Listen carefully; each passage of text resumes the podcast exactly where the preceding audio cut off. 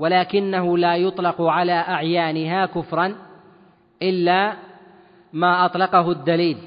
فالدليل هنا قد دل على أن على أن بعض الأفعال توصف بالكفر كالقتال وكذلك النياحة والانتساب لغير الأب مع العلم بذلك.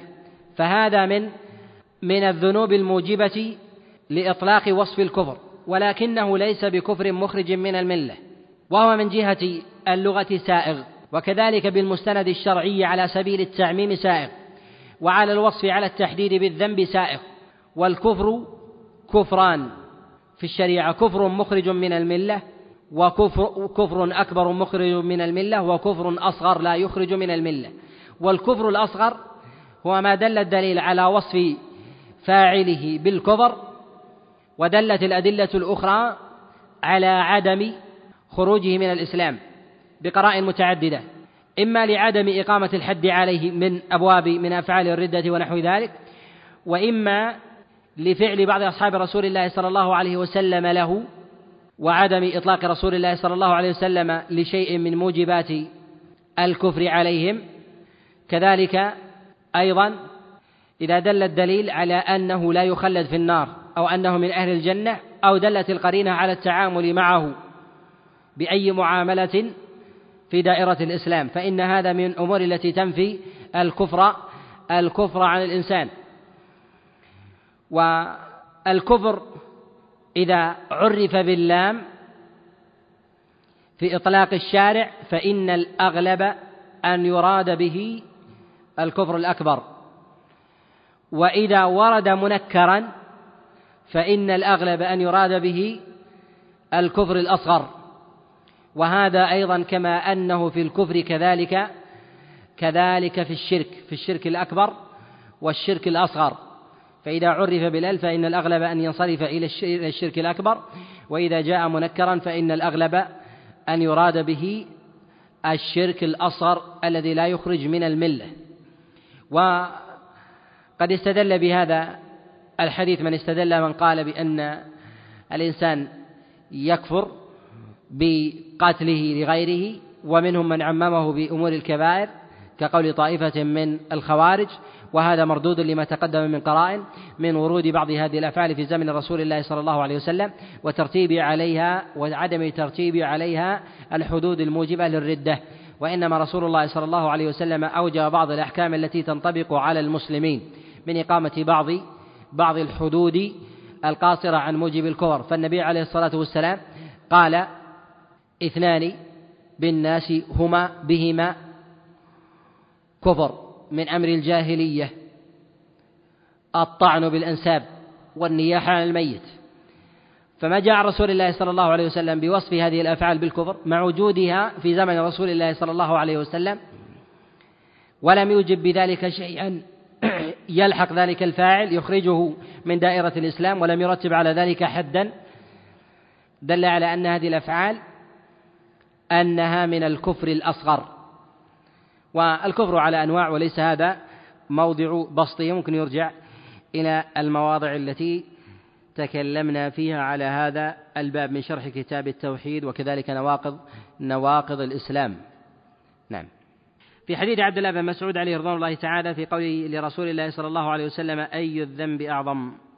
سؤال الصحابة عليهم رضوان الله تعالى للنبي عليه الصلاة والسلام للطاعات وكذلك سؤالهم الذنوب فيه دليل على حرصهم من الوقوع في الشرور وكذلك الاحتراز من الورود فيها.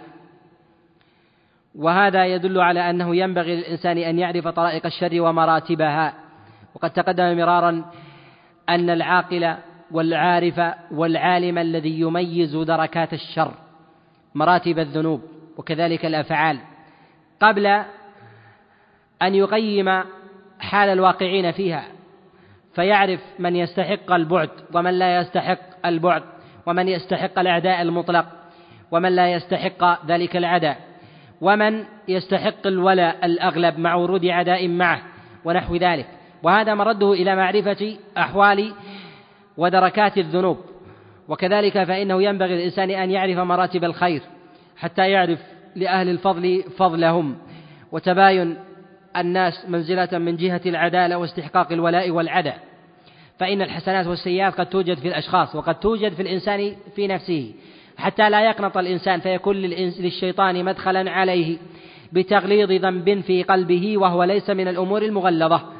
أو تعظيم حسنة وهي من الحسنات الصغيرة في قلبه حتى يأمن من مكر الله فيضل وينحرف.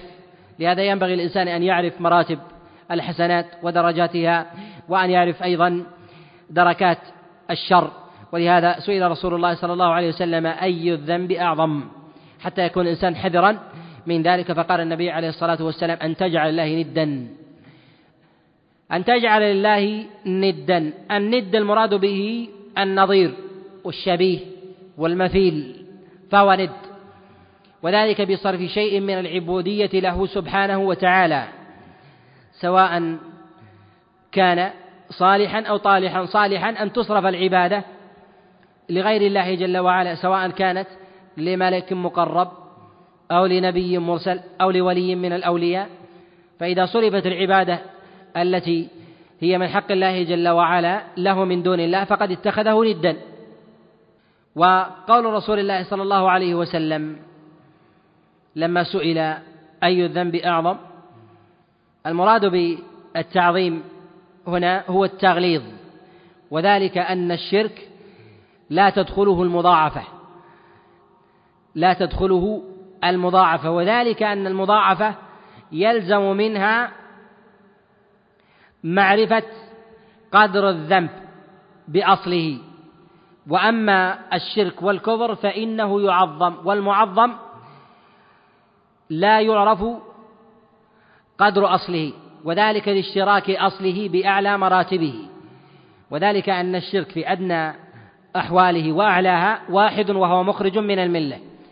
بخلاف بخلاف غيره من الذنوب فإنها على مراتب وعلى درجات يتباين فيها الناس. مما يدل على أن المراد بالشرك هنا هو الشرك الأكبر المخرج من الملة. بخلاف الشرك الأصغر فإنه لا يدخل لا يدخل تحت هذا الإطلاق وإن كان يدخل تحت التغليظ. ولهذا قد حكي عند أو حكى غير واحد من العلماء الإجماع على أن الشرك الأصغر في مرتبة بين الكبائر وبين الشرك الأكبر بأنواعه وصوره سواء كان الشرك في الأقوال أو في النيات أو في الأفعال. وإن كان لا يخرج من الملة. وأن يدخل في أبواب التكفير أم لا ليس هذا محل بسط وهي خلاف عند العلماء على قولين. ولشيخ الإسلام تيمية عليه رحمة الله تعالى قولان في هذه في هذه المسألة وتقدم الكلام وتقدم الكلام عليها. والإطلاق إذا جاء في كلام الله جل وعلا للشرك فإن المراد به هو الشرك الأكبر.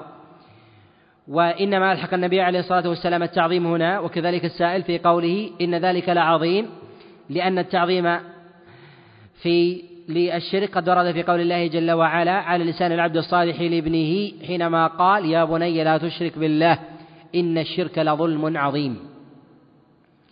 فالشرك من أعظم أو أعظم الذنوب على الإطلاق بسائر أنواعه سواء كان سواء كان الشرك بالباطن أو الشرك بالظاهر الشرك بالأقوال أو الشرك بالأفعال. هو من أعظم من أعظم الذنوب. قال هنا ثم أي؟ يعني أي الذنوب أعظم؟ قول قول الصحابي هنا أي فيه إشارة إلى اهتمام أصحاب رسول الله صلى الله عليه وسلم بمعرفة دركات الذنوب ومراتبها والاستزادة منها قدر الإمكان. ولهذا لم يكتفي ببيان أعظم الذنوب ومعرفة ومعرفة نوعه. وإنما سأل رسول الله صلى الله عليه وسلم عما يلي ذلك. فقال النبي عليه الصلاة والسلام أن تقتل ولدك مخافة أن يطعم معك. هنا فيه إشارة إلى مسألة القتل ولكنه على وصف مخصوص. وهذا يدل على تغليظ تغليظ القتل. تغليظ القتل.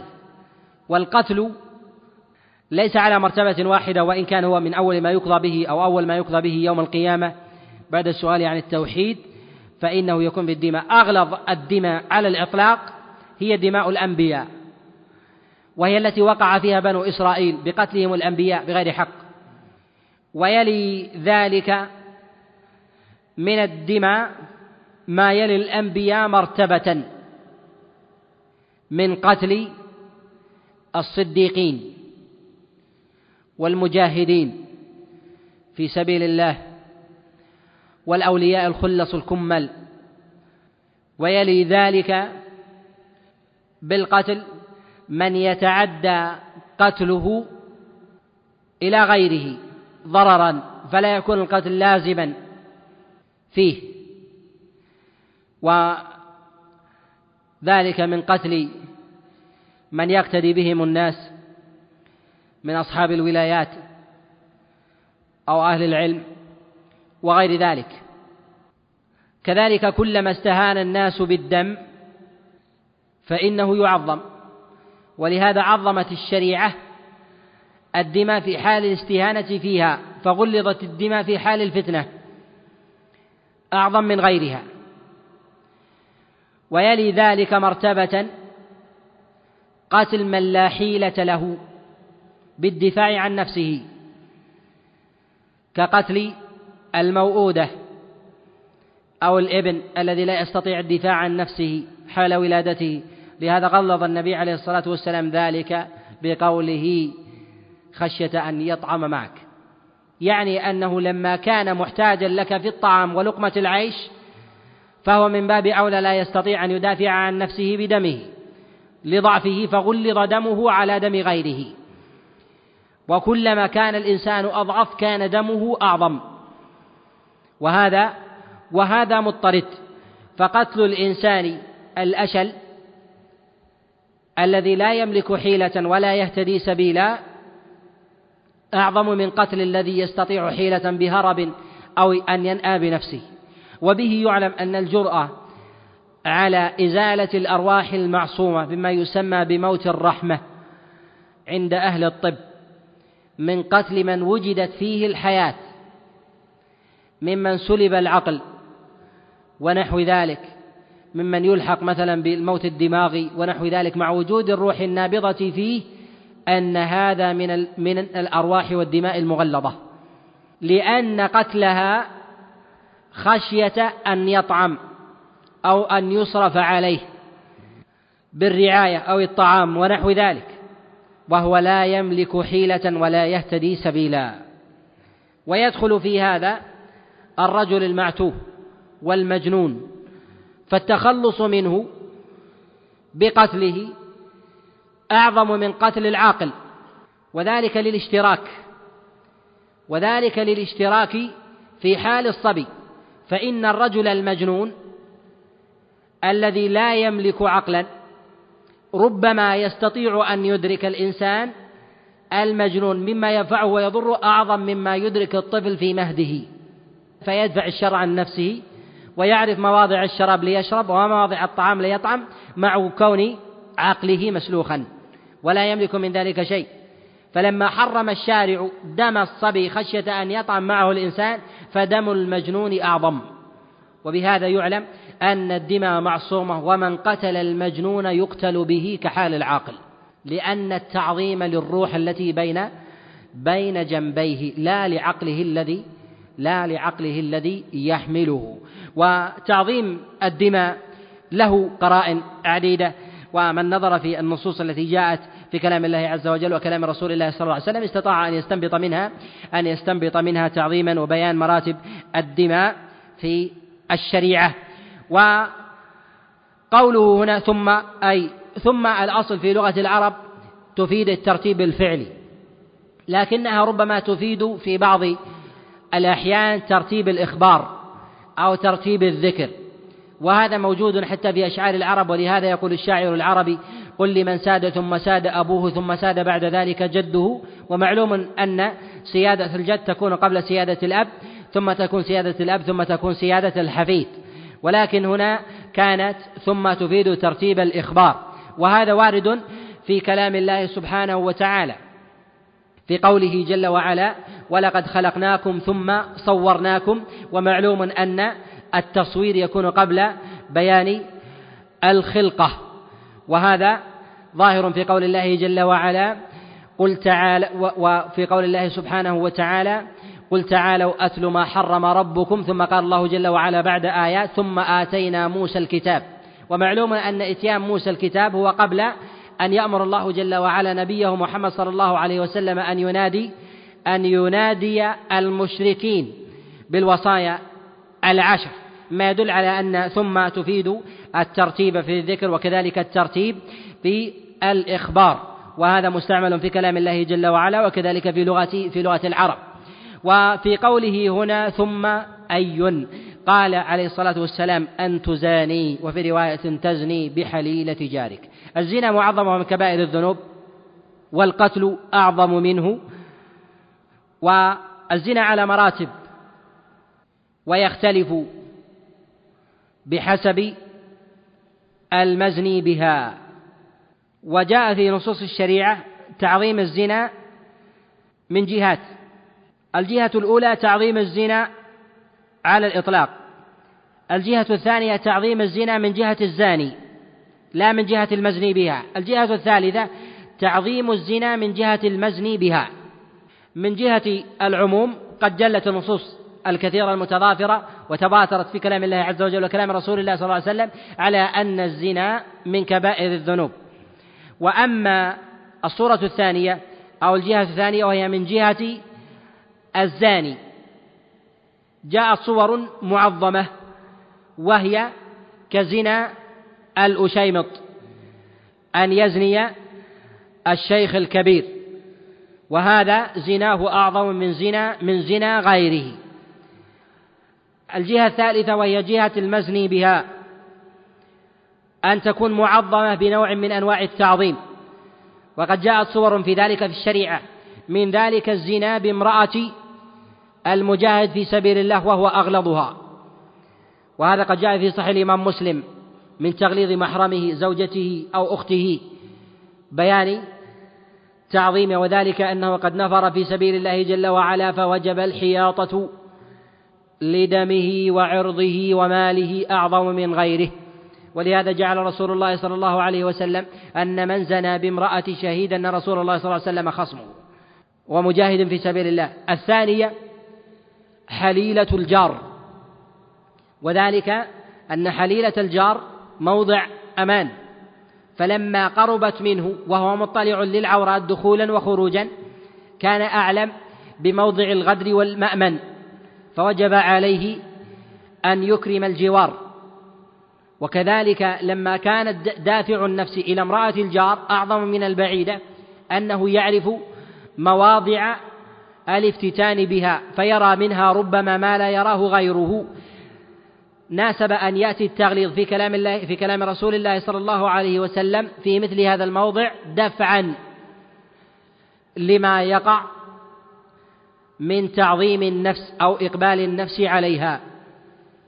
ومن ذلك أيضا الوقوع في ذات المحرم وهذا متعلق بالجهتين بجهة الفاعل والمفعول. وهذا إذا وقع الإنسان في امرأة من محارمه فحده القتل على الصحيح من أقوال العلماء. ولهذا يروى أن رسول الله صلى الله عليه وسلم من أتى ذات محرم فاقتلوه. وتغليظ ذلك بحسب قربها منه تغلظ. فحرمة الأم أعظم من حرمة الأخت وحرمة البنت أعظم من حرمة الأخت وحرمة الأخت أعظم من حرمة من حرمة من كانت من محارمه من أخت الرضاع أو عمة الرضاع ونحو ذلك. والعمة أغلظ من الخالة وهكذا وكلها داخلة في الكبائر في كبائر الذنوب. كما جاء رسول الله صلى الله عليه وسلم عصمنا الله جل وعلا وإياكم من الذنوب والفتن ما ظهر منها وما بطن. في هذا كفاية وصلى الله وسلم وبارك على نبينا محمد. بسم الله الرحمن الرحيم. والحمد لله رب العالمين والصلاة والسلام على المبعوث رحمة للعالمين وعلى آله وصحبه ومن تبعهم بإحسان إلى يوم الدين. قال المؤلف رحمه الله تعالى وعن أبي هريرة رضي الله عنه أن رسول الله صلى الله عليه وسلم قال آية المنافق ثلاث إذا حدث كذب وإذا وعد أخلف وإذا اؤتمن خان. الحمد لله رب العالمين وصلى الله وسلم وبارك على نبينا محمد وعلى آله وأصحابه ومن تبعهم بإحسان إلى يوم الدين. في هذا الخبر في حديث أبي هريرة وهو في الصحيحين وغيرهما عن رسول الله صلى الله عليه وسلم قال آية المنافق آية المنافق ثلاث. والمراد بالآية هي هي العلامة والأمارة التي تدل على الشيء وتكون من العلامات الحسية والمعنوية. والمراد بالآية هنا هي العلامة العلامة المعنوية التي تدل على تحقق شيء غائب عن الإنسان وهذا ما يسميه أهل النظر بعلم القرائن. وفي هذا دلالة من جهة الأصل على أنه لا حرج على الإنسان أن يحكم على غيره لاكتناف جملة من القرائن التي تدل على وجود أصل قد استقر في قلب إنسان أو خفي عنه. وهذا كما أنه في الأمور الحسية كذلك أيضا فإنه في الأمور المعنوية. وإذا وجد في الإنسان خصلة من الخصال العارضة فإنه ليس للإنسان أن يحكم على شيء عارض بإطلاق شيء من الأسماء الشرعية. ومعلوم أن ما يتعلق بوصف الناس يسمى في علم الشريعة علم الأسماء وأما ما يتعلق معه الفعل فإنه يسمى الأحكام. وهذا كما أنه في مسائل الإيمان كذلك أيضا كذلك أيضا فيما دونها مما يتعلق في مسائل الذنوب والمعاصي. والإنسان إذا أراد أن يحكم على غيره فلا بد أن يحكم ببينة. فإذا وجدت قرينة من القرائن فإنه يحكم على الشخص بوجود هذه القرينة بأدنى درجات الوصف لا على الوصف التام. ولهذا ينبغي أن يعلم أن الشارع الحكيم في كلام الله سبحانه وتعالى يطلق الأسماء ويريد به الغاية فيدخل في ذلك الأكبر ويدخل في ذلك الأصغر بخلاف ما يأتي مقيدا في كلام رسول الله صلى الله عليه وسلم فإنه يحمل يحمل على التقييد. وهذا كما أنه كما أنه في مسائل النفاق والكفر كذلك أيضا فيما يقابلها في مسائل الإيمان في مسائل الإيمان والإسلام. فإن الإنسان إذا ظهرت منه أمارات الإسلام فإنه يحكم بإيمانه وإن كان قد يرد عليه شيء من النواقض كأن يرد على الإنسان شيء مما يكفر يكفر به من النفاق العملي أو الكفر العملي وغير ذلك. فإن الإنسان إذا إذا اعتاد المساجد وشهدها ولم يظهر منه شيء يخالف ويناقض ذلك فإنه يشهد يشهد له بالإيمان. كما جاء رسول الله صلى الله عليه وسلم في المسند وعند ابن ماجه في كتابه السنن من حديث أبي سعيد الخدري أن رسول الله صلى الله عليه وسلم قال إذا رأيتم الرجل يعتاد المساجد فاشهدوا له بالإيمان. وهذا يكون من الأمارات والعلامات. وإن لم تكن قطعية إلا أن الشارع وكل الإنسان إلى أن يحكم على ظواهر الناس لا أن يحكم على بواطنهم كما تقدم الكلام عليه. في قول رسول الله صلى الله عليه وسلم كما في صحيح الإمام مسلم إن الله لا ينظر إلى صوركم ولا إلى أجسامكم ولكن ينظر إلى إلى إلى القلوب التي في الصدور. ومرد ذلك إلى الله سبحانه وتعالى. ولهذا إذا ظهر من من الإنسان شيء من الظواهر التي أجاز الشارع أن يلحق الإنسان فيها وصفا بمن فعلها فإن ذلك يجوز. وإن ورد أو ند عن شيء من تلك من تلك الحقائق ما يستثنى بدليل خاص فإن الشريعة تعلق الأحكام بالأمور بالأمور الأغلبية فينبغي أن يعلم أن النوادر لا حكم لها من جهة استثناء إطلاقات الشارع في أبواب الأسماء وكذلك في أبواب في أبواب الأحكام. وقول رسول الله صلى الله عليه وسلم هنا آية المنافق ثلاث. وهذا ليس على التقييد وإنما المراد بذلك أكثرها. وقد جاء رسول الله صلى الله عليه وسلم جملة من الأعمال التي تدل على أن الشخص يوصف بوصف النفاق سواء كان ذلك من أمور التروك أو ملازمة عمل من الأعمال. والغالب فيما يتعلق بأسباب وصف النفاق النفاق الأصغر أن المراد بذلك الملازمة لهذا الموصوف الذي يقع فيه لهذا الوصف الذي يقع فيه الإنسان. وأما ما كان على سبيل الاعتراض فإن الإنسان لا يوصف بالنفاق. فمن حدث مرة وكذب فإنه لا يوصف بالنفاق ومن وعد مرة وكذب فإنه لا يوصف بالنفاق ومن خاصم مرة وفجر فإنه لا يوصف بالنفاق حتى يكون ملازما. وهذا تدل عليه جملة من القرائن التي جاءت عن رسول الله صلى الله عليه وسلم من ما جاء عن رسول الله صلى الله عليه وسلم في الرجل الذي يرقب الشمس حتى حتى إذا تضيفت للغروب نقرها كنقرة الغراب فقال رسول الله صلى الله عليه وسلم تلك صلاة المنافق.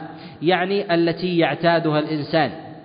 وليس المراد بذلك هي صلاة العارضة فإن الدليل قد دل عن رسول الله صلى الله عليه وسلم أن من فعل هذه العبادة قبل غروب الشمس أي قبل سقوط قرص الشمس بكامله فإنه أداها في وقت الاضطرار.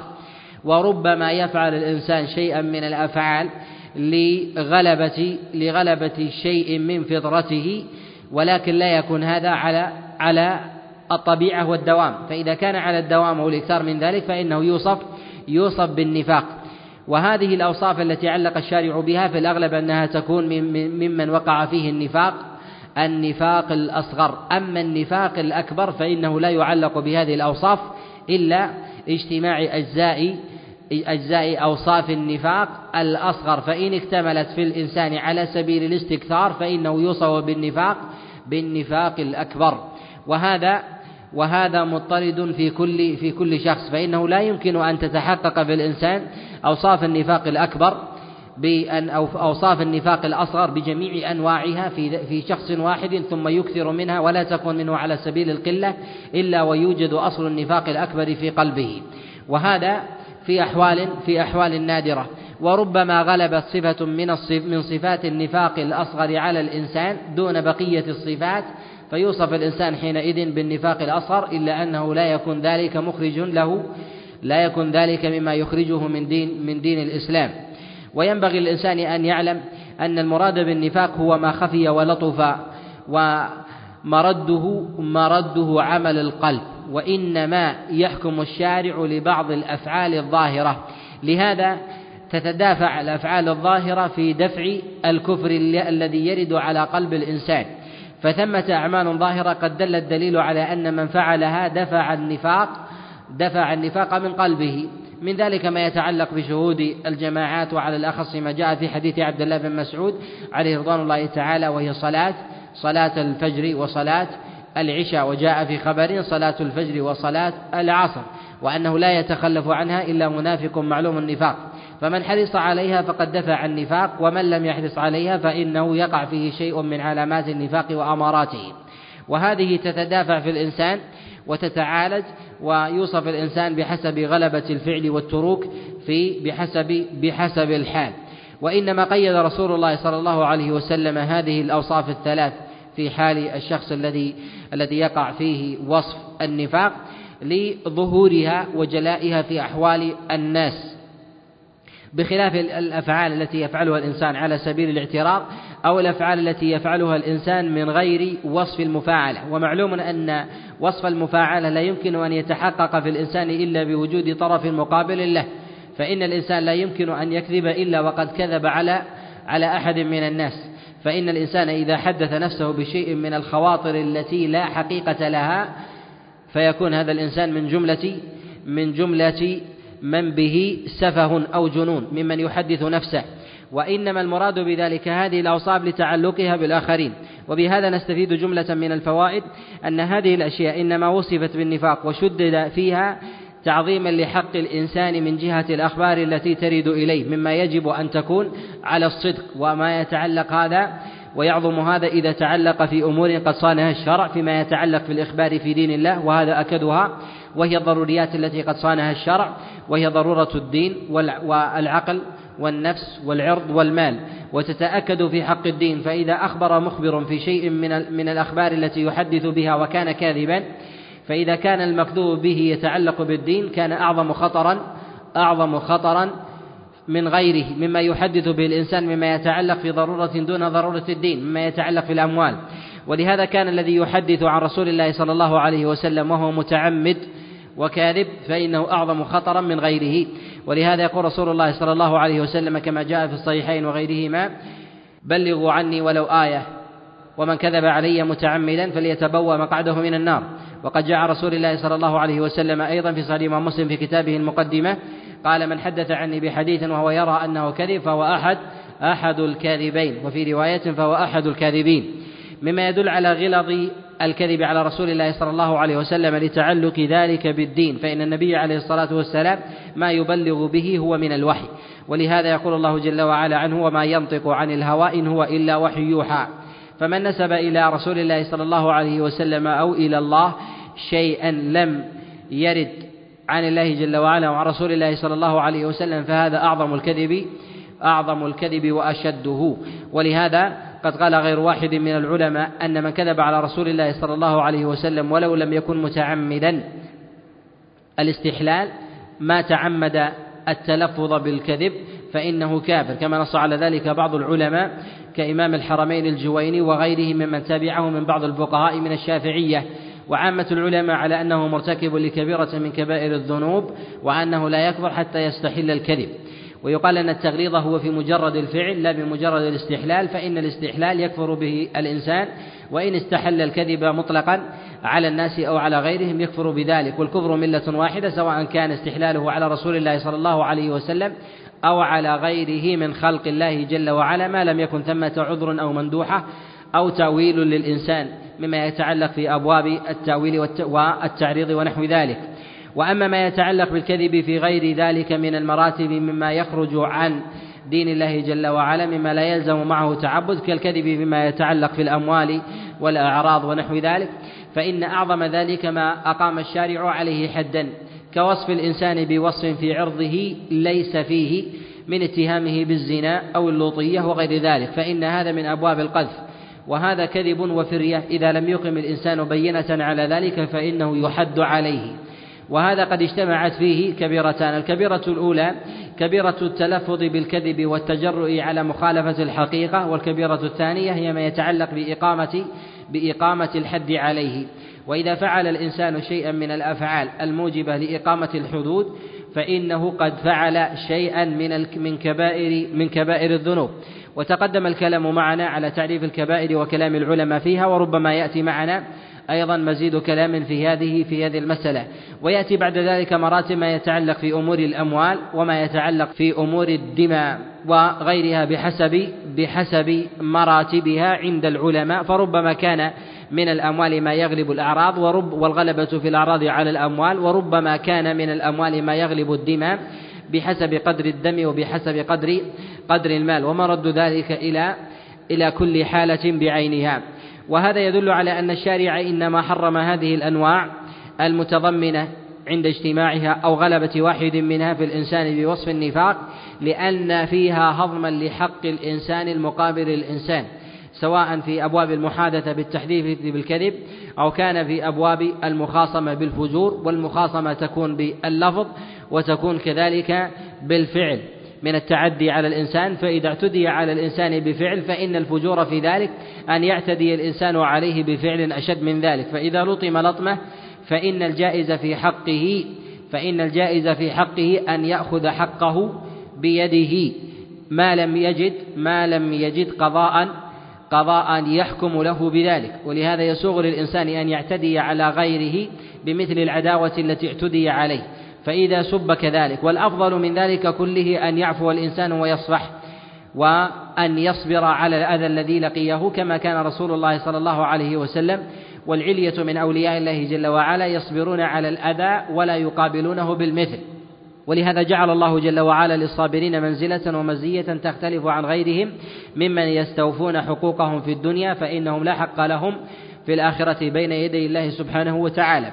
وهذا كما أنه من جهة الخصومة في في الفجور في اللفظ كذلك يكون في الدماء والدماء متعدية مما يتعلق في إراقة الدماء من إذا قطعت يد فإنه يقطع اليدين أو جرح جرحا يجرح جرحا أوسع منه أو يسهق النفس ونحو ذلك أو تفقى له عين ويفقى العينين ونحو ذلك فإن هذا من الفجور في خصومة الإنسان. كذلك أيضا في أبواب في أبواب الكلام فإذا سب الإنسان أو شتم في لفظ من الألفاظ فإنه يسب من جنسها ما هو أغلظ منها. كذلك أيضا يأتي في قدرها إذا تكلم في الإنسان بوصف على سبيل الإفراد فإن كرره في غيره كان من جملة العناية والفجور. فإذا وصف الإنسان بوصف من أوصاف السب والذم كأن يقال له يا فاجر فإنه إذا كررها على غيره بقوله يا فاجر يا فاجر يا فاجر ثلاثا فإن هذا من الفجور في الخصومة.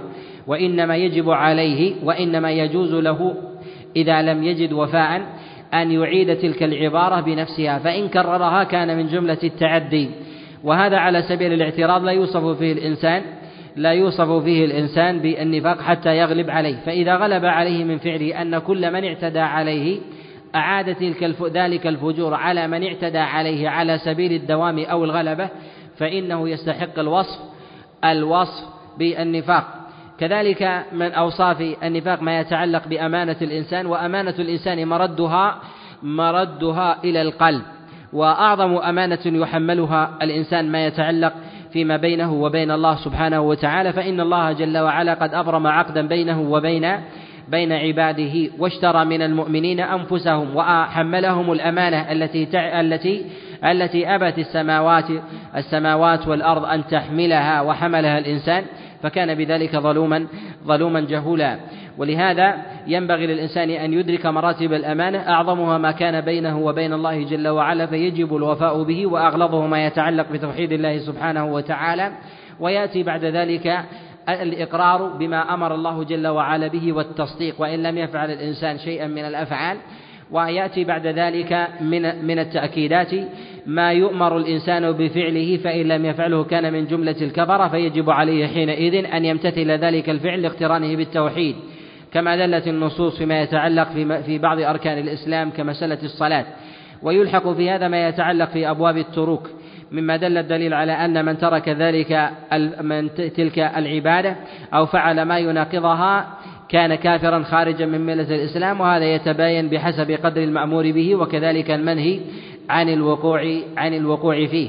ويأتي بعد ذلك مرتبة ما يتعلق في أمور الأمانة بين بين الناس. وأغلظها ما يتعلق بين اثنين قد دل الدليل على تأكيد أحدهما بالالتزام وهذا ما يتعلق بالأمانة مثلا بين الراعي الراعي ورعيته فإن ما بينهما من أمانة هي أغلظ أغلظ الأمانات من مما يتعلق بأمور عقد البيعة والوفاء والصدق. ولهذا جعل رسول الله صلى الله عليه وسلم كذب الإمام أعظم من كذب غيره. وجعله رسول الله صلى الله عليه وسلم من الثلاثة الذين يشدد في العقوبة لهم يوم القيامة مما لا ينظر الله جل وعلا له. وذكر منهم كما تقدم الكلام عليه في غير هذا الموضع الأشيمة الزان وذلك أن دافع النفس فيه يختلف عن غيره. كذلك من جهة الحق والوفاء فإن الإمام يجب عليه أن يصدق مع رعيته لأن الضرر المتعدي عليهم أعظم. كذلك بالنسبة للرعية مع الوالي. فإن كذبهم معه التعدي أو الضرر المتعدي في ذلك على الأمة وعلى الوالي أعظم فإنه يلزم من ذلك الوفاء بالبيعة وأنه لا يجوز للإنسان أن يخبئ خبيئة فيها ضرر على المسلمين أو نقض أو أو شيء من نقوض من نقض البيعة ما لم يبنه نصيحة وشفقة للمسلمين وأن يبين ما هم ما هم عليه مما يتعلق في أفعال الولاة في ظاهرها. كذلك في أقوالهم وأن يكون ناصحا وهذا بحسب الحال مما مما يتعلق في أمور السر ينصحهم سرا وما يتعلق في أمور العلانية ينصحهم علانية فيجب في ذلك الوفاء.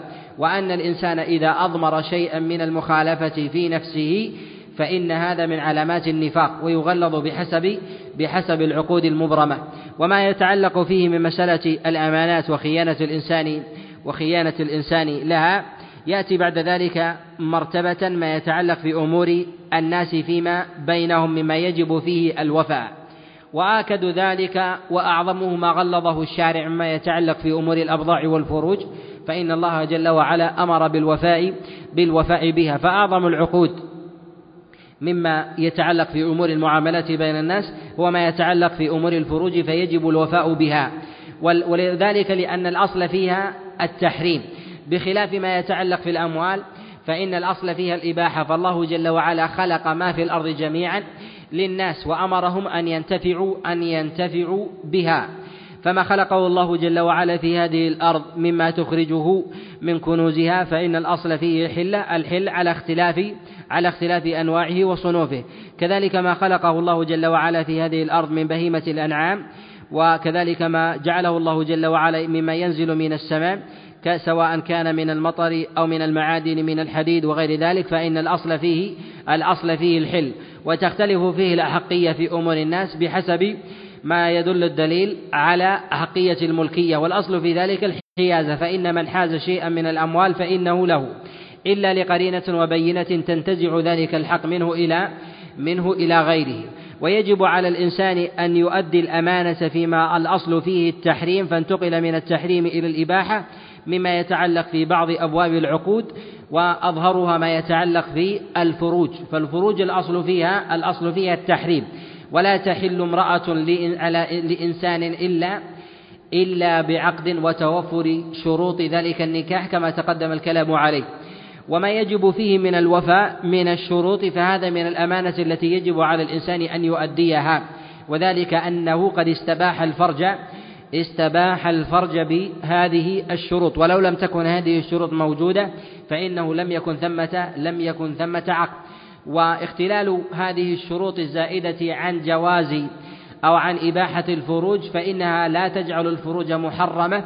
ولكن كانت سببا في إمضاء هذه العقود وإلا فالشروط الواجبة في الواجب توفرها في العقد لا علاقة لها في الشروط الزائدة عنه ولكن يجب على الإنسان أن يفي أن يفي بها. ويأتي بعد ذلك ما يتعلق في أمور الأموال وما يتعلق في أمور الدماء والوفاء بها وآكد ذلك ما لا يتعلق فيه تكفير حتى يفي الإنسان بذلك. كما تقدم الكلام عليه في حديث رسول الله صلى الله عليه وسلم كما جاء في الصحيح من حديث سعيد بن زيد قال من كانت عنده مظلمة لأخيه فليتحلل منها من قبل أن يأتي يوم لا دينار فيه ولا درهم. والمراد من هذا أن ما كان فيه من أمور الأمانة مما لا يدخل تحت أنواع التكفير إلا بإعادة الحقوق إلى أهلها فإنه من أعظم أمور الأمانة التي يجب على الإنسان أن يفي أن يفي بها وأظهرها ما يتعلق في أمور الأموال وما يتعلق في أمور الدماء وما يتعلق في أمور الأعراض في بعضها. فإنه يجب على الإنسان أن يفي بها والوفاء بها يكون بعدة أمور. أولها أن إن كان أمرا عينيا أن يأتي به وإن كان له مثيلا أن يأتي بمثيله أو يأتي بعوضه أن يأتي بعوضه أو أو يكون ذلك الاستحلال. أن يستحل الإنسان من خصمه فإن أحله ولو من غير عوض فإن ذلك يسقط ولا يسقط ذلك بكثرة الاستغفار والتوبة كما تقدم الكلام كما تقدم الكلام عليه مرارا. وهذه الخصال وغيرها إنما ذكرها رسول الله صلى الله عليه وسلم من أجل معرفة خصال المنافقين وهذه فائدة من إيراد الخبر. الفائدة الأخرى للحذر من هذه الخصال مجموعة ومنفردة. فإن رسول الله صلى الله عليه وسلم إذا ذكر خصلة من الخصال على سبيل على سبيل التعميم وكانت هذه الخصال من الأمور المحمودة فإن الشارع إنما أراد بذلك إنما أراد بذلك الحث عليها. وأن الإنسان يقرب منها قدر إمكانه سواء كانت مجموعة أو منفردة. الفائدة الأخرى أن الإنسان يعرف فيها أوصاف الناس من جهة أهل الصدق فإن ذلك يفيده من جهة التعامل معهم. وبالنسبة للأوصاف المذمومة كما تقدم الكلام عليه يعرف الإنسان فيه أوصاف أهل النفاق وكذلك أهل العصيان ويعرف فيه أهل الصدق. وفي هذا دليل على حيازة الشريعة وعظم مقامها من الاحتياط لأمور المعاملة في الناس ببيان أوصاف الناس عند التعامل معهم فإن الإنسان إذا تعامل مع غيره في أمور النكاح أو تعامل مع غيره في أمور الأموال أو أو غيرها فإنه يسأل عن هذه الخصال. فإذا كانت هذه الخصال معلومة احتاط الإنسان لي احتاط الإنسان لماله وعرضه. وإذا لم تكن معلومة ربما وقع الإنسان في شيء منها وهذا الخبر يتضمن جواز السعي جواز السعي في معرفة أحوال الناس من باب الصدق والكذب وأن هذا لا يعرف وأن هذا لا يعرف إدخاله في أبواب الغيبة والنميمة. وذلك أن الإنسان إذا سأل غيره عن حال متحدث هل هو من الصادقين أو عن أمانته هل هو من أهل الوفاء أن البحث عن ذلك ليس مما لا يعني الإنسان بل إنه مما مما يعني الإنسان ويستحب البحث عنه حتى يكون الإنسان من أهل الحيطة. وأما إذا كان ذلك من فضول القول مما لا يحتاج الإنسان إلى تعامل مع إلى تعامل مع ذلك الشخص كأن يكون ذلك الشخص ليس من أهل القرابة ولا من أهل الجوار ولا من أهل المخالطة والتعامل في البيع والشراء والعقود وغير ذلك فإنه ليس له أن يبحث عما خفي عما خفي من حاله. وأكد ذلك ما يتكلم فيه العلماء مما يتعلق في مسائل في مسائل الإخبار عن رسول الله صلى الله عليه وسلم من التحديث عنه. لهذا يجعل العلماء البحث عن أحوال المخبرين من جهة الصدق والكذب من أعظم الطاعات. ولهذا يقول غير واحد كما جاء عن شعبة من الحجاج اذهب بنا نغتب نغتب ساعة. ويريده يريد بذلك أي آه، نعرف أحوال الناس ونسأل عنهم من جهة الصدق الصدق والكذب. وهذا له شروط وقيود من جهة التتبع وتقدم الكلام بالإشارة إلى شيء منها ومواضيعه تلتمس في أبواب في أبواب علوم الحديث وقواعده. ويدخل في أبواب تلك المواثيق والعهود التي تؤخذ على الإنسان من أمور العهد التي يجب على الإنسان أن يفي أن يفي بها. فالله جل وعلا أمر المؤمنين أن أن يكونوا من أهل الوفاء. في أبواب العقود وفي أبواب وفي أبواب العهود. والغالب في العهود أنها لا تكون في الأمور الحسية بخلاف العقود فإنها تكون في الأمور الحسية. وأما مسائل العهود التي تكون بين الناس يكون فيها مسألة صيانة الأعراض صيانة ما أو ما حقه ما حقه الأداء من قول من القول الحسن أو الإمساك عن عن المذمة ونحو ذلك. فإذا عاهد إنسان غيره بعدم البوح بشيء فإنه يجب عليه أن يلتزم بذلك فيكون هذا من جملة العهود. وإن كان بين العهود والعقود والمواثيق تلازم وكذلك بينها عموم وخصوص. نعم. أحسن الله إليك.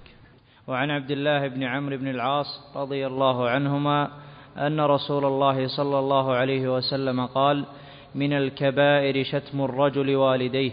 قالوا يا رسول الله وهل يشتم الرجل والديه؟ قال نعم يسب أبا الرجل فيسب الرجل أباه ويسب أمه فيسب أمه. الحديث في الصحيحين وغيرهما من حديث عبد الله بن عمرو عن رسول الله صلى الله عليه وسلم في قول النبي عليه الصلاة والسلام من الكبائر. الكبائر تقدم الإشارة إلى شيء من معانيها وهي المراد بذلك على كلام جماهير السلف أن المراد بذلك هو ما توعد الله جل وعلا صاحبها بالنار أو اللعن أو أمر الله جل وعلا على صاحبها بحد من الحدود في الدنيا. ومن العلماء من قال أن الذنوب على السواء وهذا قول مردود وقد جاء هذا عن بعض عن بعض السلف وقال به بعض الفقهاء من الشافعية كأبي إسحاق الإسفرايني. وقد جاء عن بعض السلف أنه على التعريف التعريف السابق وهذا مروي عن غير واحد من السلف. مروي عن عبد الله بن عباس ومروي عن الحسن البصري وكذلك مروي عن سعيد بن جبير وعن الضحاك وعن عبيدة السلماني وغيرهم.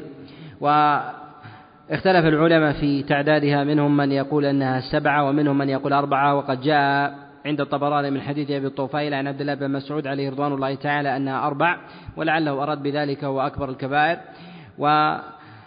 ومنهم من قال أنها سبع ومنهم من قال أنها سبعين وقد جاء عن عبد الله بن مسعود عن عبد الله بن عباس عليه رضوان الله تعالى أن عددها سبعين ومنهم من قال أنها لا تم بالضبط بحسب ورود النصوص.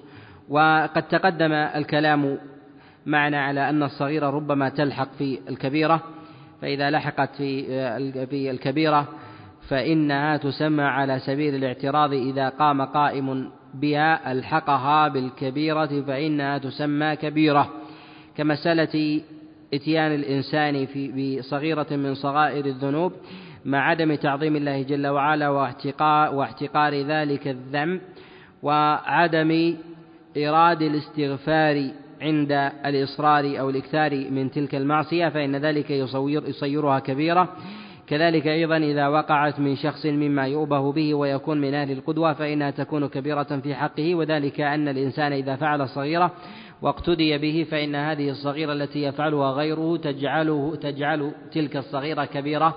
فإن الإنسان الذي يقتدى به إذا فعل الصغيرة مرة وفعلها غيره مرات كانت كحال المصر على المصر على الكبيرة لهذا ينبغي للإنسان ممن كان من أهل القدوة والعدالة أن يبتعد عن مواضع الشبهات عم فضلا عما عما تحتم من الذنوب مما دل الدليل مما دل الدليل عليه. وقول رسول الله صلى الله عليه وسلم هنا من الكبائر شتم الرجل والديه. إنما نص رسول الله صلى الله عليه وسلم على الشتم ولم يذكر اللعن. ونحوه وذلك أن الشتم باب واسع يدخل فيه أدنى درجات الذم أو التنقص. وذلك أن الإنسان إذا تنقص إنسانا بقصر القامة أو بطولها أو بوصف فيه على سبيل التندر كأعرج أو أعمى وأراد بذلك التنقص لا الوصف الذي يسوغ في كلام الناس عادة فإن ذلك من الشتم وهو من الكبائر. وهو في حق الوالدين أعظم. وقد تقدم الكلام معنا في مواضع عديدة على أن الإنسان في تعامله من جهة الذنب يختلف بحسب ما يقابل الإنسان فإذا كان ما يقابله مما يجب معه الاحتراز كان الذنب في حقه أعظم. وذلك أن تنقص الأب يختلف عن تنقص غيره فإذا وصف الإنسان غيره أنه أعور على سبيل الذنب. في مثل هذا الوصف قد يقال أن هذا لا يصل إلى درجة الكبيرة فيكون من جملة الذنوب الذنوب المطلقة. وأما في حق الأب إذا كان على سبيل التنقص للوصف الذي يؤذن به عند الوالد وعند الناس فإن هذا يكون من الكبائر. أو وصف الأب الأب على وصف الأب على سبيل التنقص بقصر القامة أو العرج. ونحو ذلك فإن هذا من كبائر من كبائر الذنوب. وفي قوله عليه الصلاة والسلام والديه دليل على استوائهما في هذا الأمر والاستواء في أبواب الكبائر لا من جهة تغليظ الذنب فإن الحق بالنسبة للأم أعظم من حق الأب. كما في حديث الرجل في قول النبي عليه الصلاة والسلام له أمك ثم أمك ثم أمك ثم ثم أبوك. وهذا يدل على أن الإنسان يجب أن يحترز في حق المعظم وأن الذنب في نقيض ذلك أعظم أعظم من غيره. وإنما جعل النبي عليه الصلاة والسلام حق الوالدين على سبيل الاشتراك لأنهما يدخلان في أبواب في أبواب الكبائر التنقص. فلما دخل في ذلك جاء على على على صيغة العموم. وفي قول الصحابي عليه رضوان الله تعالى للنبي عليه الصلاة والسلام ويشتم الرجل والديه؟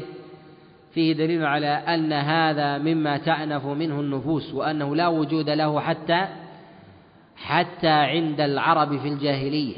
ولو كان معلوما في الجاهلية مما يفعله الناس من الشرك أو شرب الخمر ونحو ذلك لما سألوا رسول الله صلى الله عليه وسلم هل الناس يشربون الخمر؟ وهل الناس يشربون الخمر؟ وهل الناس يعبدون الأصنام ونحو ذلك لما سألوا رسول الله صلى الله عليه وسلم عن ذلك دل على أنهم لا يعرفون أن الرجل يتعدى على والديه بشيء من الشتم وأن الإحسان إلى الوالدين من الأمور المفطورة المفطور عليها الناس حتى في الجاهلية حتى وإن وقعوا في الشرك والكفر أو وقعوا في الكبائر.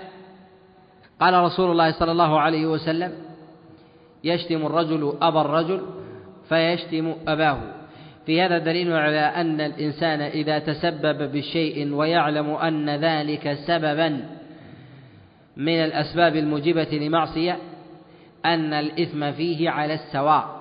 كحال الإنسان الذي يبيع سكينا لقاتل وهو يعلم أنه سيقتل به فإن ذلك يكون كحال القاتل ويشترك في الإثم ويشترك كذلك في الجرم ولهذا المتحقق عند العلماء والذي عليه عمل السلف أن الإنسان إذا اشترك في جناية بإشارة أو ببيع آلة أنه يكون كحكم كحكم من باشرها من جهة إقامة الحد فإذا كان في إقامة الحد الدنيوي كذلك أيضا في من جهة العقاب والثواب. وهل يشترك من جهة الوصف أيضا؟ نعم يشترك من جهة الوصف إذا أقر بلزوم ذلك فأقر به. كحال الإنسان الذي الذي يبيع عنبا ويبيع تمرا ويبيع ويبيع عسلا لشخص يعلم أنه يصنع منها خمرا.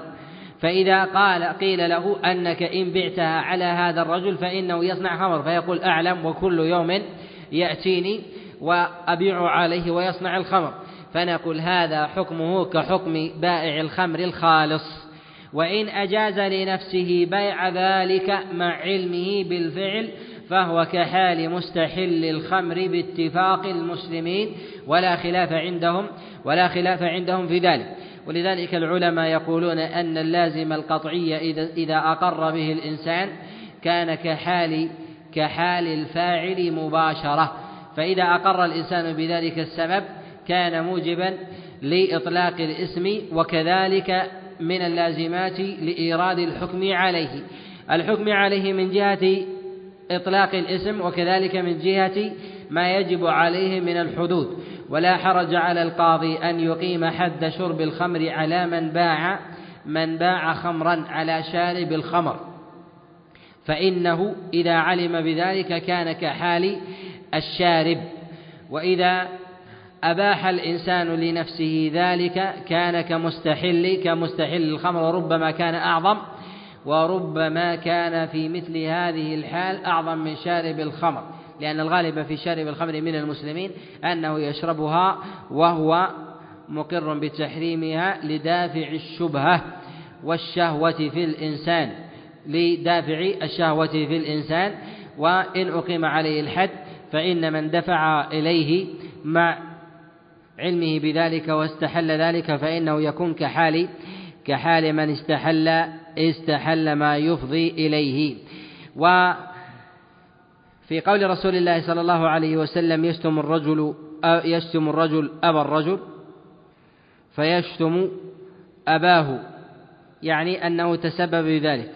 ويستثنى من هذا من لا يعلم أي فعل السبب وهو لا يعلم فيقال أنه بحسب ما يرد إليه. إذا كان يغلب على ظنه أو يقطع بذلك أن هذا لا يكون سبب فإنه لا يكون من أهل العقوبة ولا يكون من أهل الإثم ويكون إثمه لازم لذلك الفعل الذي فعل. فإذا سب أبا الرجل فإن الإثم الذي يرد عليه هو ذلك السب فقط بخلاف ما يلحق ذلك من سب من سب أبيه. وفي هذا دليل على أن الإنسان دليل على أن الإنسان عند اجتماع الأمرين يلتفت إلى الأعظم منهما. ورسول الله صلى الله عليه وسلم هنا قد تكلم على مسألة أن يسب الرجل أباه. وما تكلم على مسألة أن يسب الرجل أبا الرجل الآخر. مع كونها إثم ولكن النبي عليه الصلاة والسلام التفت إلى سبه لأبيه لعدة أمور. الأمر الأول أن الإنسان عند وجود المعصيتين عند وجود المعصيتين يلتفت إلى الأعظم منهما. الأمر الثاني أن الإنسان عند وجود المعصيتين يلتفت إلى سبب هاتين المعصيتين فيدفعه فإنه بدفع ذلك السبب تندفع يندفع ما يليه من ذلك اللازم. فإن الإنسان إذا إذا احترز من العاقبة وعرفها لم يأتي باتباع بفعل ذلك السبب. فإذا حذر الإنسان من ذلك الأثر فإنه يكون من أهل البعد عن ذلك ذلك السبب. ولهذا النبي عليه الصلاة والسلام قال من الكبائر أن يشتم الرجل والديه مع أنه ذكر في السياق تعد الرجل على والد الشخص وما ذكرها هنا وإنما ذكر أنها تتسبب بسبك لنفسك. وهذا نوع من أنواع الترتيب بذكر بذكر العاقبة. وفيه دليل على أنه يسوغ للإنسان أن يذكر عاقبة الشيء مع ثبوت كون السبب الذي يبين الذي يوصل إلى تلك العاقبة أنه ذنب. كمسألة الزنا فإن الزنا من السبيل الموصل إليه النظر المحرم. فإن النظر المحرم الذي يوصل إلى الزنا بذاته يأثم به الإنسان ولو لم يزني. ولا حرج على الإنسان أن يبين خطر الزنا وتعظيمه من غير التفات إلى ذكر النظر أو ذكره بكونه متسبب للزنا من غير النص على تحريمه.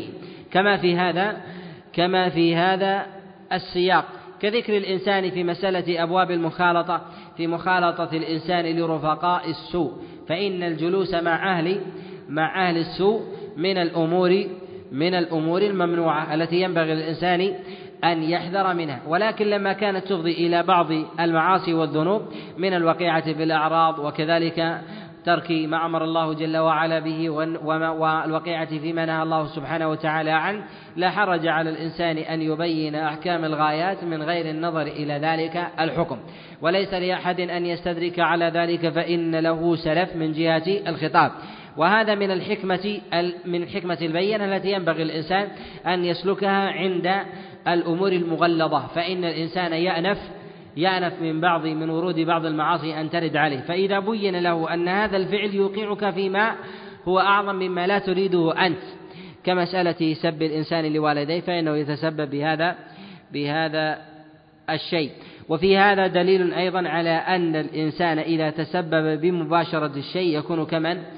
كمن باشره. فإن الإنسان لا يباشر سب والديه ولكن لما كان متسببا بسب الغير كان كمن كمن تعدى تعدى على على والديه. وهنا مسألة إذا قلنا أن الإنسان إذا تعدى على غيره بعدوان هل يجوز لغيره أن يتعدى عليه بمثل ما اعتدى عليه؟ فإذا قال لعن الله والدك أو والديك أو قال إن والدك فاجر أو كاذب ونحو ذلك. هل يسوغ له أن يسبه بالمثل فيقول والدك فاجر؟ ونحو ذلك نقول هذا أمر متعدي وليس بلازم. ولا يجوز للإنسان أن يعتدي على غيره بشيء لا يتعلق بذات المعتدي وذلك من العدوان المحرم. وذلك لأمور منها أن جهة الاعتداء منفكة مما يتعلق بالدماء والعرض. فإن عرض الأب يختلف عن عرض الابن. ودم الأب يختلف عن دم الإبن فلكل واحد عرض مستقل. وإن كان الإنسان من جهة من جهة آه، التألم وكذلك العار ما يلحق الإبن يلحق الأب وما يلحق البنت يلحق والدها ونحو ذلك فإنه من جهة الآثام لا صلة لها بذلك. فإن الإنسان إذا قذفه غيره ليس لأبيه أن يطالب أن يطالب بالوفاء بذلك بذلك القذف أن يقام على القاذف الحد حتى يطلب صاحب صاحب الحق ذلك. فإذا جاء شخص إلى القاضي وقال إن فلانا قد قال لي إن أباك فاجر. هل أو إن أباك زاني. هل يجب على القاضي أن يفي له بذلك؟ يقال لا يجب عليه أن يقيم عليه عليه حد القذف. حتى يأتي الأب ويطالب بذلك. ولكن إذا كان الأب متوفى وتبقى لدينا هنا مسألة المعرة تلحق الابن والأب ليس بموجود يطالب بحقه. فإذا طالب فإذا لم يوجد الأب للقاضي أن يعزر القاذف تعزيرا يؤدبه لأنه بقي الضرر الذي يلحق الابن. يلحق الابن وهو العار بإطلاق مثل مثل تلك بإطلاق مثل تلك الكلمات. فيجب على القاضي حينئذ أن يدرأها بإقامة بإقامة التعزير عليه. ولا يجوز للإنسان أن أن يعاقب بإطلاق ذلك اللفظ على والده ولكن هل له أن يطلقه عليه؟ كان يقول مثلا إذا قال إن والدك فاجر. هل يقول أنت فاجر؟ باعتبار اختلاف المحل فإنه في الأمر الأول أطلقه على على والده. هل يأتي به فيقول أنت أنت الفاجر ليس ليس والدي؟ إذا قلنا أنه لا يتعدى على والده فهل يجوز له أن يتعدى عليه؟ نقول يجوز أن يتعدى عليه فيما لا يتعلق في بما فيه حد. بما يتعلق فيه حد. مثال ذلك إذا قال له إن أباك زاني ليس له يقول أنت الزاني باعتبار أن هذا من الأمور التي يقام عليها الحد ولكن لو قال إن أباك فاجر فإنه له يقول أنت الفاجر أنت الفاجر وليس وليس أبي وذلك أن الإنسان إما أن يكون صادق يعني الذي أطلق على أبيه أو وصف الفجور فإنه حينئذ فإنه حينئذ يأتي بالبينة وإن لم يكن كذلك فإنه يستحق وصف وصف الفجور لأنه تعدى على على غيره بوصف ليس ليس فيه. أو يقول إن أباك كاذب فيقول أنت الكاذب ولا يحق الوصف بغيره. والأولى من ذلك كله أن الإنسان يصبر ويحتسب ويعامل بالحسنى خاصة ما يتعلق بأمور بأمور العلية من الناس من العلماء والدعاة إلى الله وولاة الأمر وألا ينتصروا لأنفسهم. ولهذا عائشة عليه رضوان الله تعالى تقول ما انتقم رسول الله صلى الله عليه وسلم لنفسه قط يعني لا بلفظ ولا بفعل وإنما إذا انتهكت حرمات الله جل وعلا انتقم لله يعني لا ينتقم عليه الصلاة والسلام لنفسه. نعم. نعم. بالنسبة للخصال التي إذا اجتمعت في الإنسان كان منافقا خالصا لا يمكن أن تجتمع هذه الخصال على سبيل الدومومة والكثرة إلا من منافق خالص. من جهة الإمكان لا يمكن أصلا إلا من شخص ظهر منه الكفر عمل. لا يمكن الإنسان أن أنه إذا حدث كذب على الإطلاق. وإذا تمن خان بأنواع الأمانة. وإذا عاهد غدر وإذا خاصم فجر فاجتمعت فيه هذه الصفات وعلى الغلبة والدوام ولا يكون من أهل النفاق الأكبر. نعم يوجد على سبيل الاعتراض هذه الأفعال في الإنسان في بعض الأحيان في بعض المعاملات قد تزيد بعضها وينقص في بعضها ونحو ذلك ويكون فيه خصلة من النفاق بحسبها حتى تستحكم منه بجميعها. نعم. لا على صورته. غلط. نعم. في بعض الأحيان لا. حتى تغلب هذه الخصلة عليه. ورود الكذب على الإنسان مرة والأشياء العارضة لا يطلق عليه وصف النفاق. حتى يغلب عليه الكذب. نعم. يقول الكذب على الزوجة ما ضابطه؟ ضابط الكذب على الزوجة ما لم يفوت لها حقا. فإن هذا لا يجوز. كان يقول تقول كم حقي من المال؟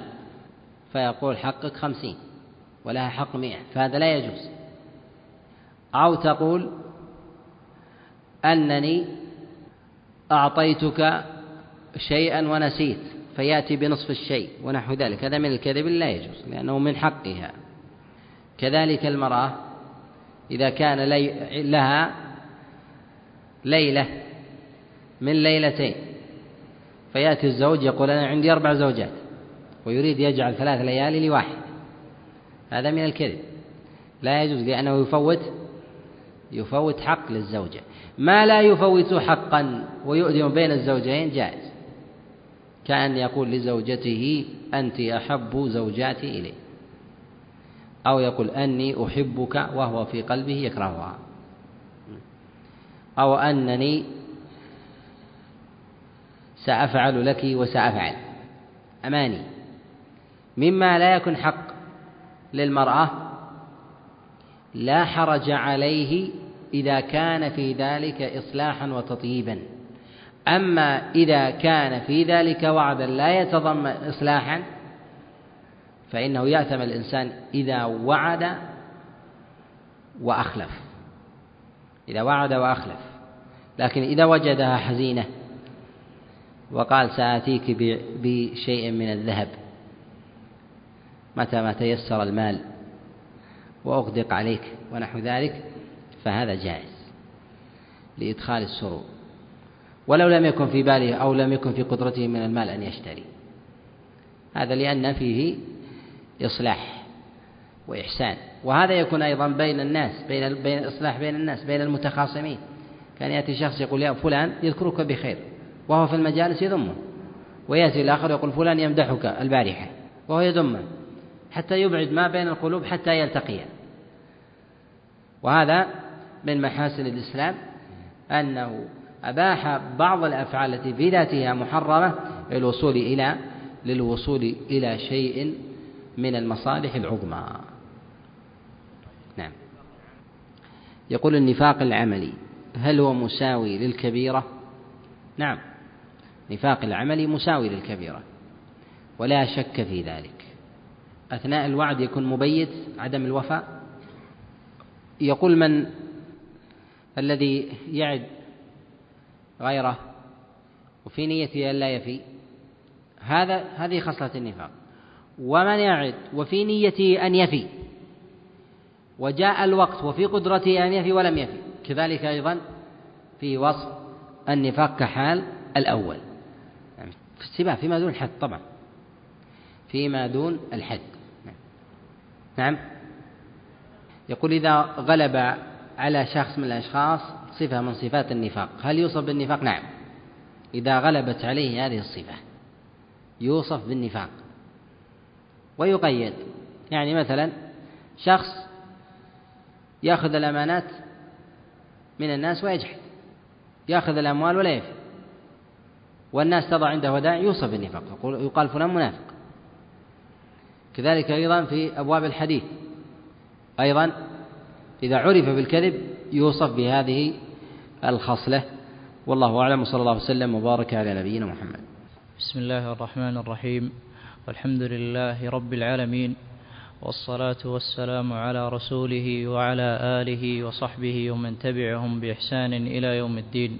قال المؤلف رحمه الله تعالى وعن الأعمش عن أبي صالح عن أبي هريرة قال قال رسول الله صلى الله عليه وسلم من قتل نفسه بحديدة فحديدته فحديدته في يده يتوجأ بها في يده في نار جهنم خالدا مخلدا فيها أبدا. ومن شرب سما فقتل نفسه فهو يتحساه في نار جهنم خالدا مخلدا فيه أبدا. ومن تردى من جبل فقتل نفسه فهو يتردى في نار جهنم خالدا مخلدا فيها أبدا. الحمد لله رب العالمين وصلى الله وسلم وبارك على نبينا محمد وعلى آله وأصحابه ومن تبعهم بإحسان إلى يوم الدين. قد روى هذا الخبر الشيخان وهذا لفظ الإمام مسلم من حديثه كما ذكر المصنف الأعمش عن أبي صالح عن أبي هريرة عن رسول الله صلى الله عليه وسلم. قول النبي صلى الله عليه وسلم من قتل نفسه بحديدة القتل من كبائر الذنوب وهذا وهذا الأصل فيه. ولا يحل بالنسبة للمسلم إلا بإحدى ثلاث كما تقدم الكلام عليه عن رسول الله صلى الله عليه وسلم. أما بالنسبة للكفار الأصل في دمائهم الحل إلا ما استثني بشيء من الوجوه الشرعية كما تقدم الكلام معنا في هذه المسألة في كتاب الجهاد. وقوله هنا من قتل نفسه بحديدة دليل على اختصاص مسألة قتل النفس على القتل على سبيل العموم بنوع تعظيم. ولهذا جاء الدليل عن رسول الله صلى الله عليه وسلم ببيان قدر وتعظيم قتل النفس أنه أعظم من قتل الغير. والدليل على ذلك أن رسول الله صلى الله عليه وسلم أمر الإنسان أن يدفع عن نفسه من أراد أن يقتله ولو بإزهاق نفس غيره دفاعا عن نفسه. فنفس الإنسان هي أعظم عنده من نفس غيره فيذود عنها ولو بقتل غيره ممن أراد ممن أراد قتلها. وكذلك أيضا في من؟ في مسألة مال الإنسان كما جاء في حديث المخارق عند الإمام النسائي عليه رحمة الله في قوله قال جاء رجل لرسول الله صلى الله عليه وسلم فقال يأتيني الرجل يريد مالي. قال لا تعطه مالك. قال إن غلبني. قال انتصر بمن؟ حولك.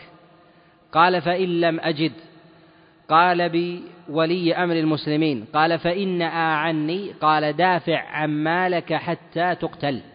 وهذا إذا كان في المال فهو في النفس من باب فهو في النفس من باب أولى.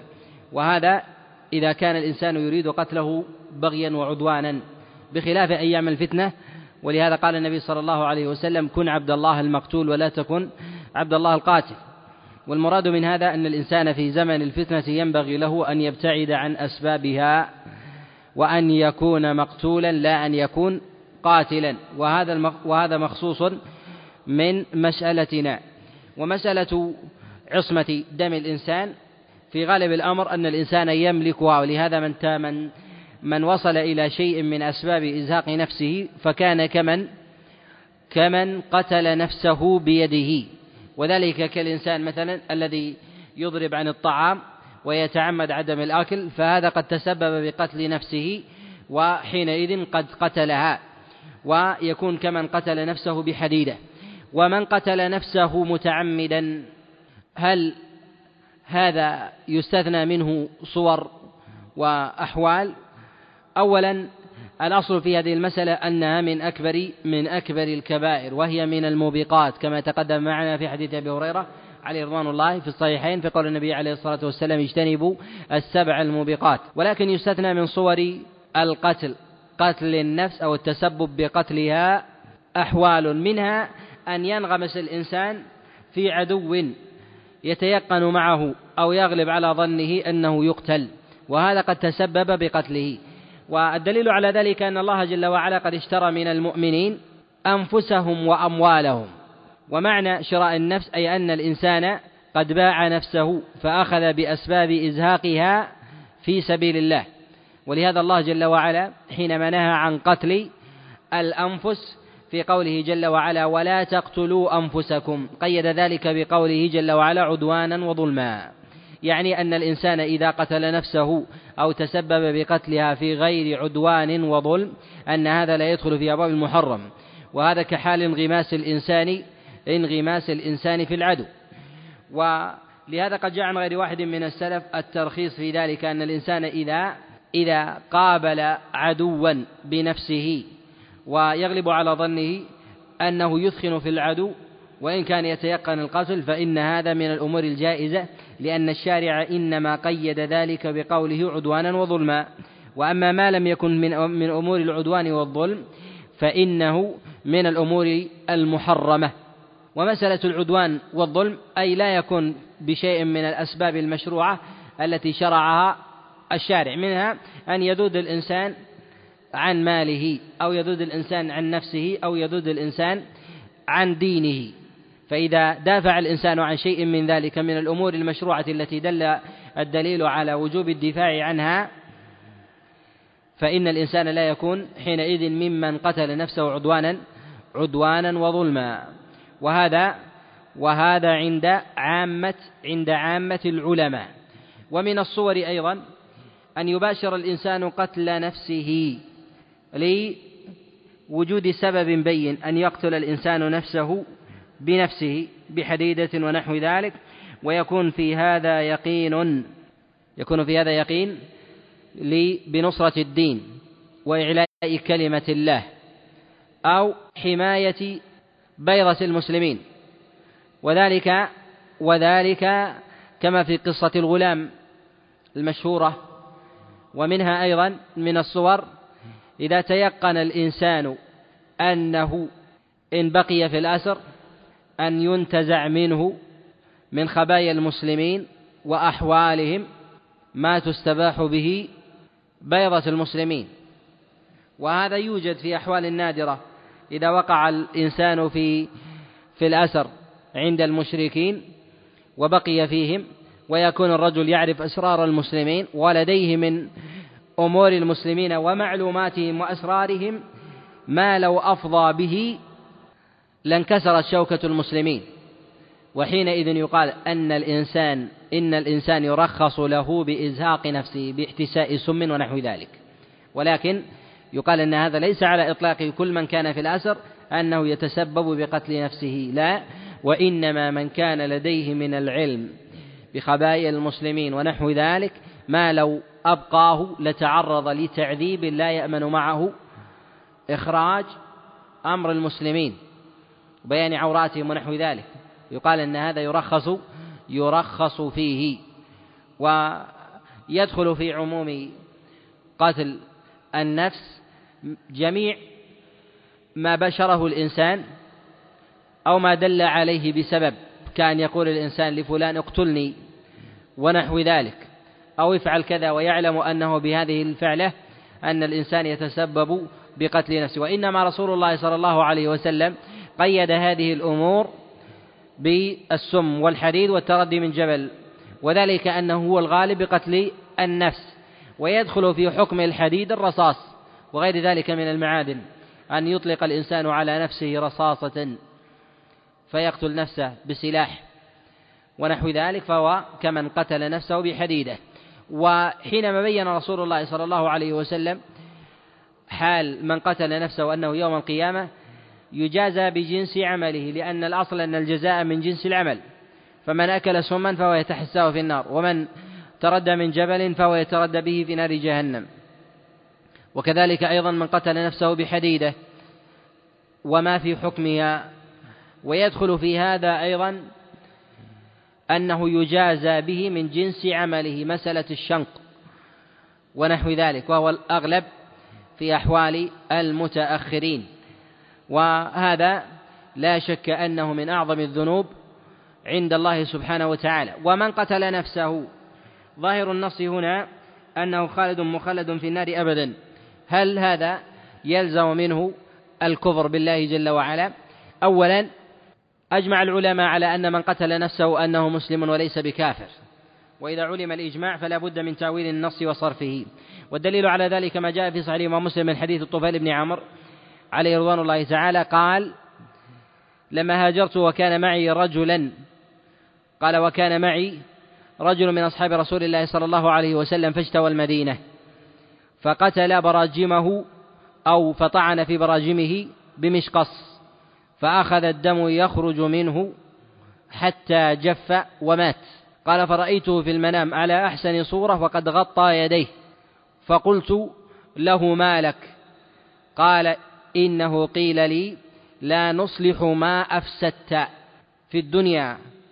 فقال النبي عليه الصلاة والسلام اللهم وليديه فاغفر. اللهم وليديه فاغفر. ومعلوم أن من قتل نفسه إذا كان في حكم الكافر لا يجوز الدعاء له بالمغفرة. ورسول الله صلى الله عليه وسلم قد بين حال الرؤيا في من كانت حاله كذلك أنه على ظاهرها وأن ما ظهر من حاله أنه حمل كذلك على الظاهر فدعا رسول الله صلى الله عليه وسلم أن يغفر له أن يغفر له ذلك.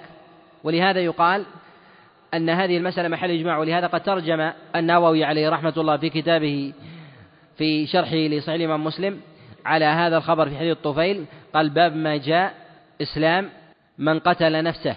يعني من قتل نفسه أو تسبب بها فهو مسلم وهذا محل إجماع ولا خلاف.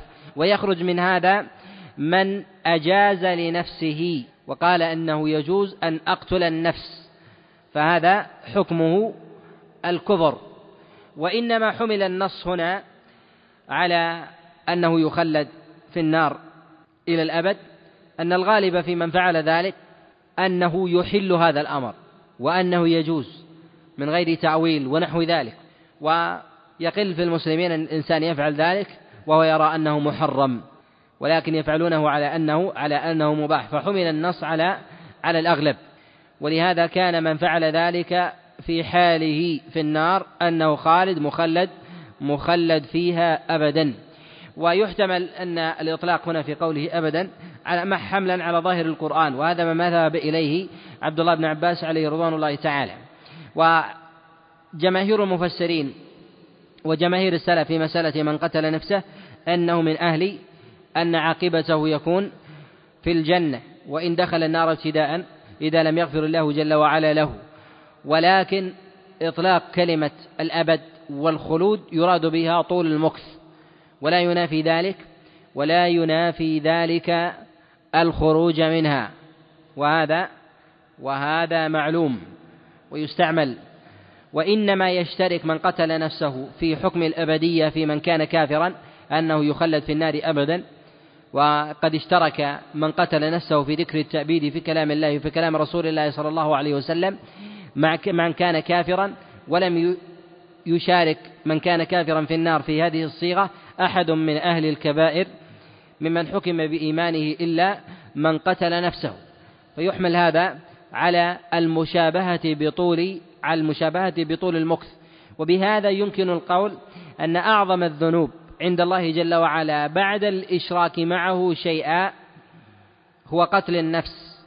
قتل النفس للاشتراك في العاقبة ويخرج من ذلك من الشرك وعدم الخلود في النار وكذلك يخرج من عدم الخروج من الملة. وإجماع العلماء وجود القرائن في ذلك أن الإنسان إذا قتل نفسه أنه من أنه من أهل الإيمان أنه من أهل الإيمان وليس من أهل وليس من أهل الكفر. وقد تقدم معنا مراتب القتل أن من أن أعظمها هو قتل الأنبياء كما كان يفعل يفعل بنو إسرائيل. و يلي بعد ذلك قتل من كان معظما ويلحق في أبواب المصلحة العامة للمسلمين من أهل الولاية من أهل العلم. والرئاسة الذين مفسدتهم متعدية ومن عظم من جهة القتل من جهة القاتل وعلاقته به كحال قتل الابن لأبيه أو لأمه ونحو ذلك ويكون بعد ذلك قتل الإنسان قتل الإنسان لنفسه قتل الإنسان لنفسه وهذا بعد مرتبة قتل الابن قتل الابن لأبيه. وإذا باشر الإنسان سببا من أسباب الأذية لنفسه ويغلب على ظنه السلامة. ثم بعد ذلك كان هذا من الأسباب الموجبة لإزاق نفسه. فمات. هل يكون ممن قتل نفسه أم لا؟ يقال لا يدخل في هذا الحكم. ولكن يكون يكون كحال من قصد إيذاء النفس. والنبي صلى الله عليه وسلم قد نهى عن إيذاء النفس. وهذا بتحمل البلاء وأعظم البلاء ما يتعلق بأمور الدماء. ولهذا قال النبي عليه الصلاة والسلام لا ينبغي لمؤمن أن يؤذي نفسه. قالوا كيف يؤذي نفسه؟ قال يتحمل من البلاء ما لا يطيق فإذا جرح الإنسان نفسه بقطع إصبع من أصابعه ونحو ذلك فإنه قد آذى نفسه وأثم بذلك. وإذا كان يغلب على ظنه من هذا الفعل عدم إزاق النفس فإنه لا يكون من أزهق نفسه ويترتب عليه من الأحكام ما لا يترتب على من أزهق النفس فيكون حكمه كحكم من مات من مات من الناس من غير من غير سبب. ومن قتل نفسه متعمدا فقد اختلف العلماء في الصلاة عليه. ذهب جماهير العلماء على أنه يصلى يصلى عليه. على خلاف عندهم هل يصلي عليه ولي أمر المسلمين أم لا؟